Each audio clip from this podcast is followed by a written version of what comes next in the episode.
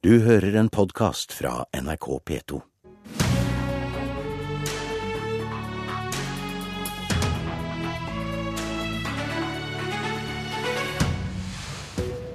Skal barn født og oppvoksne i Norge bli kasta ut fordi foreldra laug om identiteten på 90-tallet? Og hvorfor fortalte ikke justisministeren at Afghanistan truger med å stoppe returavtalen med landet? Vel møtt til Politisk kvarter. Afghanistan truger altså med å stenge grensene for barnefamilier som Norge vil tvangsreturnere. Det skriver Bergens Tidende. Og justisministeren har altså ikke informert Stortinget om denne trusselen som kom i brevs form i november i fjor. Og eh, nestleder i familiekomiteen for KrF, Geir Bekkevold, hvor alvorlig er dette? her? Med forbehold om at jeg ikke har lest brevet, men eh, bare har lest om dette i, i Bergens Tidende og i Aftenposten, eh, så må jeg jo si at det er ganske alvorlig. Eh, hvis det er slik at man har returnert mennesker og tvangsreturnert de, og såpass mange at afghanske myndigheter kanskje sier opp returavtalen, da har man virkelig kløna det til. Eh, men med forbehold om at jeg ikke har lest brevet. eh, så, så, eh, regner jeg med at dette også er noe som kontrollkomiteen kommer til å se nærmere på. De burde jo ha blitt varslet om det, etter mitt syn, i og med at vi nå går så dypt inn i disse sakene. Og så skal vi ikke glemme at barnefamilier som tvangsreturneres til Afghanistan, det er stort sett lengeboende asylbarn. Og dette er sånn, det, det, bare viser det som har vært vår store bekymring, at det har vært et veldig stort trykk på å returnere barnefamilier, og også lengeværende barnefamilier, eh, for å oppnå noen eh, returmåltall. Eh, og Det i seg sjøl mener jeg er veldig alvorlig, og ikke i tråd med den avtalen som er mellom regjeringspartiene og KrF og Venstre. Gøran Kalmyr, statssekretær i Justisdepartementet. Først, hvorfor har ikke det informert om dette brevet der afghanske styresmakter trua med å stoppe returavtalen?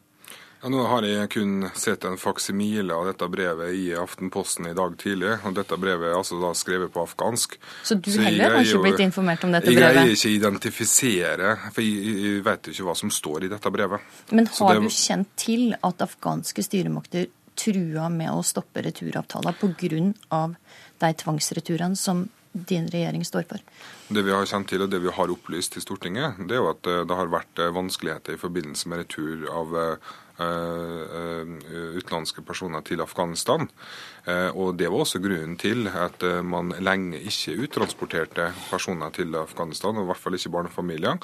Men så åpna det seg en mulighet for det på høsten 2014. Og Det har vi jo vært åpne på hele tida. Og det har vært informasjon som har vært framme lenge. Men Bekkevold hevda her at det kløna det til for å Eller står i fare for å kløne det til pga. at de ønsker å oppta måltall på asyl.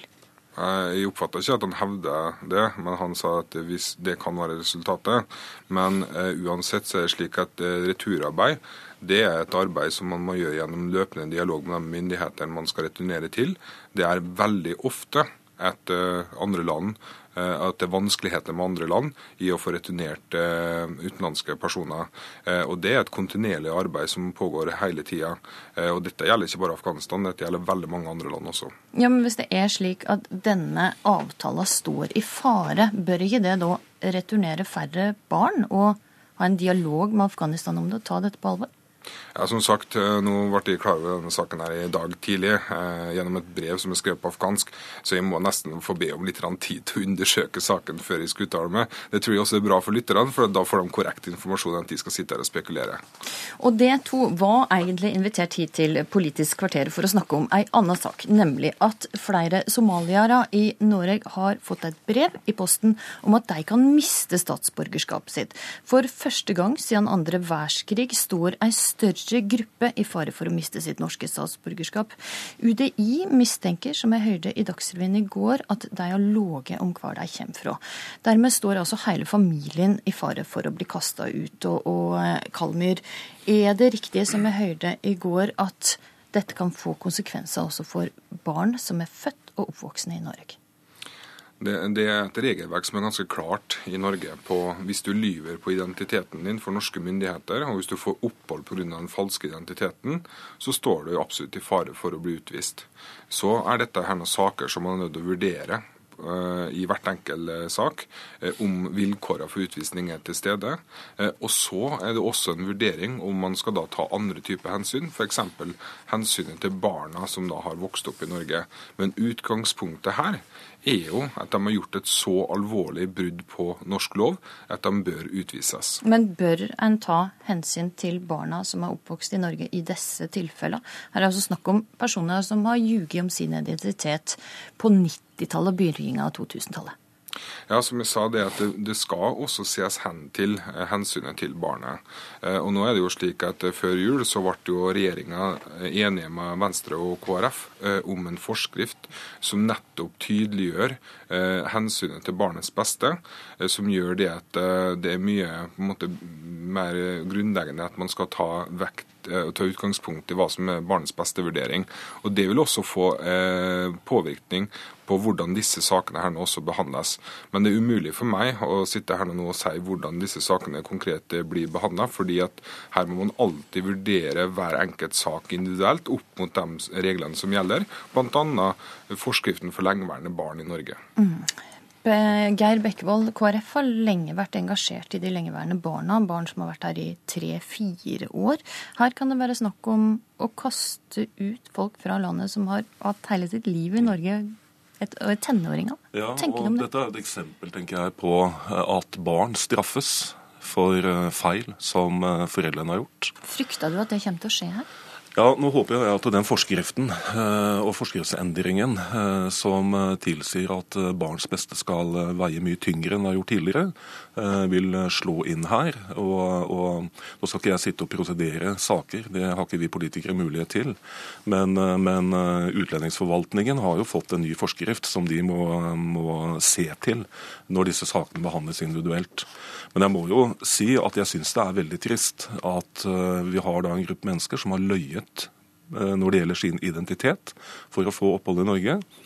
Eh, vi må være veldig tydelige også fra politisk side på at når man kommer til Norge og ber om beskyttelse, så forteller vi hvem vi er. Og sånn må det være. Eh, den tilliten må det være mellom oss. Vi lever i et veldig åpent samfunn, og det å fortelle hverandre hvem vi er, det er utrolig viktig. Så det er ingen tvil om at vi er, vi er enige om at det må ligge fast. Eh, men så har vi denne saken, og det er som det sies, det er jo eh, saker som er 10-15 år gamle. Og jeg må jo også si at jeg syns jo det er underlig at det, det har tatt så lang tid før man har kommet så langt at man har oppdaget dette. Hvorfor har man ikke oppdaget dette tidligere? Og, og mm, nå, nå, ser vi da et eksempel på at her, da, her er det eksempel på at barn kan straffes for feil som foreldrene har gjort, og kanskje myndighetene har gjort også. Og mm, Dette er jo en av grunnene til at vi, vi, mente det var veldig viktig at vi fikk en ny forskrift som i større grad la vekt på det som var barnas beste, og, det som er barnefaglig forsvarlig. Mm. Og Kalmer, det er vel ikke noe tvil om at her har også styresmaktene gjort en litt dårlig jobb, siden jeg finner ut av dette først nå? Både ja og nei. Eh, for Det som skjedde etter at eh, denne regjeringa kom på plass, det er at vi bevilga 5 millioner kroner til nettopp dette arbeidet her nå, slik at man fikk mer ressurser til å gjennomgå identiteten. Og Det kommer da i tillegg til den ressurstilgangen som vi bruker nå på å sjekke identiteten på den som er nyankomne asylsøkere også. Så nå er det på en måte et bedre system for dette her nå på plass. Men så klart, når vi ser nå at 100 personer, eh, som vi foreløpig kjenner til gjennom media, er avslørt at de kommer fra et annet land enn det de har sagt at de gjør, da er det et eller annet i systemet som ikke er godt nok. Da har man ikke tidligere hatt gode nok kontrollrutiner. Og det kan være en naivitet i systemet fra tidligere tider eh, på at eh, man på en måte er litt for godtroende på de historiene man får høre fra asylsøkeren. Og det er veldig viktig at man eh, har et godt identitetsarbeid, sånn at man vet hvilke personer som er her nå. Slik at man f.eks. ikke har tatt imot personer som kan ha begått krigsforbrytelser i andre land, eller kan være en fare for eh, rikets sikkerhet i Norge. Altså Det kan være personer som har fått våpenopplæring i Al Shabaab eller noe sånt. Dette er utrolig viktig å vite, sånn at vi har en oversikt om hvem som er i Norge. Kort til slutt, eh, Kalmer. Når blir det avgjort hva som skjer med disse 100 menneskene? Ja, Nå skal utlendingsmyndighetene behandle hver enkelt sak konkret. Eh, og som KrF også påpeker, her er det dilemmaer. Her er moralske dilemmaer eh, som vi er nødt til å behandle på en ansvarlig og en god måte. Ok, Så da får vi et svar på når, hva som skjer med disse menneskene. Det vil ikke være svar på det helt ennå. Nei, Utlendingsmyndighetene må saksbehandle hver enkelt sak. Og så er det også noen uh, muligheter til å kunne klage, for at dette blir et enkeltvedtak. Og da har man også mulighet til å klage på det. Det kan altså gå litt tid. Takk for at det kom til studio, Gøran Kalmyr og Geir Bekkevold.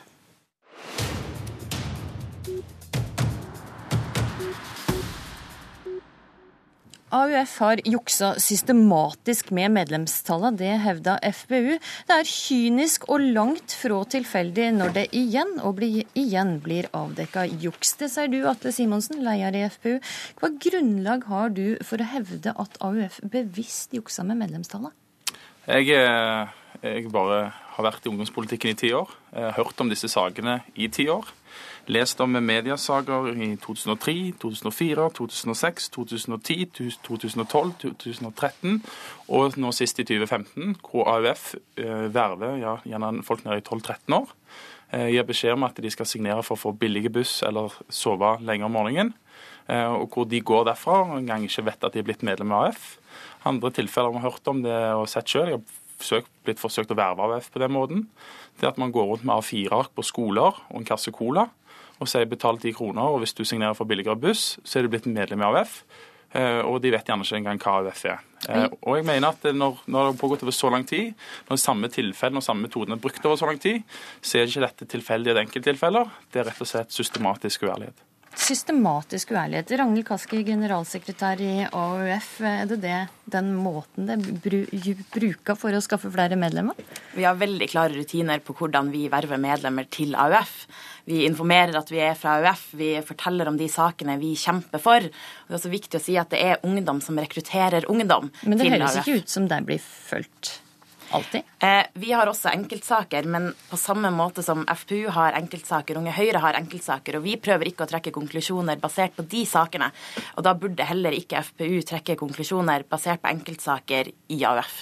Men er det bare enkeltsaker? Nei, det er det ikke. Og jeg syns det er òg feigt at lederen i AUF, Mani Hussaini ikke ville komme her. Uh, eller ville komme en annen dag for å diskutere dette. Det gjerne viser at man kanskje innrømmer at man har problem. Jeg syns AUF hadde tjent på å ha hatt i alle fall et snev av ydmykhet i denne saken. Uh, og Dette er en kjent ting blant alle aktive i ungdomspartiene. Når vi går fra valgtorg, eller når vi tar og Eh, tar en pils sammen med andre kolleger, så er det sånn at dette snakkes om.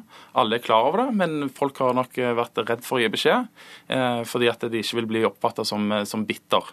Og Jeg er bare rett og slett lei av at AUF blir tatt med buksene nede gang på gang på gang.